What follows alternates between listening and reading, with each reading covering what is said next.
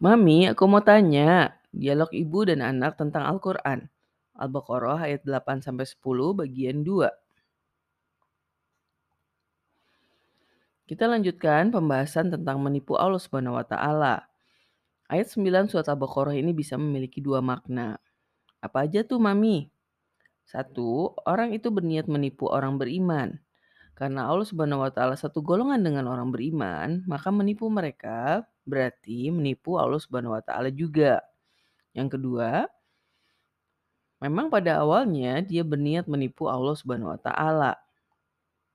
Gimana maksudnya, Mami? Kakak pernah berniat menipu Allah Subhanahu wa taala. Tapi Allah Subhanahu wa taala kan nggak bisa ditipu. Ya pasti. Hanya saja pernah nggak kita niat menipu Tuhan? Kayak apa contohnya? Kalau kita sholatnya asal-asalan, kita nipu siapa? Bisa nipu manusia kalau ada manusianya. Tapi kalau sendirian tetap asal-asalan, ya itu nipu Allah Subhanahu wa taala. Kita pikir Allah Subhanahu wa taala cukup disetor sama sholat asal-asalan. Kayak nipu bos ya, Mami. Kita masuk kerja tapi asal-asalan kerjanya. Iya, seperti itu. Apa yang bikin kita berbuat seperti itu ya? Kata kakak apa coba? Karena nganggep bos nggak tahu atau merendahkan bos dengan semua standarnya. Merendahkan tapi di belakang jadi sama dengan nipu kan? Iya, kalau di depan kayak orang kafir ya, Mami. Betul, Kak. Nah, berarti bisa jadi kita seperti orang fasik kan, Kak? Suka menipu Allah Subhanahu wa taala. Set but. Ini juga berlaku pada standar keimanan dan keislaman lainnya ya, Kak? Maksudnya, Mami? Kalau kita mencukupkan iman dan Islam diri ini dengan standar kita, bukan dengan standar Allah Subhanahu wa taala. Oh, gitu ya, Mami.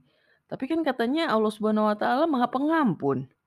Iyalah pasti, hanya saja kita tetap harus tahu kan standar iman dan Islam menurut dia seperti apa dan berusaha memenuhinya. Kalau kita ngikutin standar kita sama aja dengan nipu ya, Mami. Mirip dengan seperti orang yang ngaku cinta, tapi nggak mau ngikutin apa kesukaan orang yang dicintai. Tapi pakai standar dia. Ya juga ya, kita ngerasa ditipu kalau kayak gitu. Nah, terus Kak, di ujung ayat 9 ada pernyataan, dan tidak mereka menipu kecuali diri mereka sendiri, dan tidak mereka menyadari. Kira-kira maksudnya apa? Karena Allah Subhanahu wa taala tidak bisa ditipu dan orang-orang beriman dilindungi Allah Subhanahu wa taala, jadi kan yang tertipu mereka sendiri. Iya, hanya diri mereka sendiri yang menganggap Allah Subhanahu wa taala dan orang beriman telah tertipu.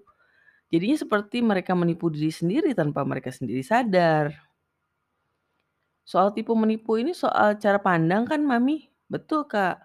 Ketika seseorang merasa telah berhasil menipu seseorang, maka cara pandangnya akan berubah sesuai persepsi dia. Bukan sesuai fakta yang sebenarnya lagi ya, Mami. 100% benar. Lalu dia akan melanjutkan hidup dengan persepsi salahnya tentang kehidupan. Ini yang dulu di ayat 7 disebut terdapat penutup di penglihatannya ya, Mami. Iya, serupa dengan orang kafir. Hanya saja kalau orang kafir bukan salah persepsi, tapi tidak berganti persepsi. Jadi itu ya bedanya orang kafir dengan orang fasik. Orang fasik itu masih baperan, tapi efek kebaperan mereka pada hal yang buruk, bukan yang baik. Baper itu bawa perasaan. Iya, masih terpengaruh oleh omongan orang beriman. Tapi karena mereka punya penyakit hati, jadi malah baper negatif. Akhirnya akan mereka mendapatkan azab juga ya, Mami. Jika kebaperan mereka malah membuat mereka berbohong atas status keimanan mereka. Jadi kita tuh membahas ciri orang-orang dari tahap awal mereka berespon sampai sikap akhir mereka ya, Mami.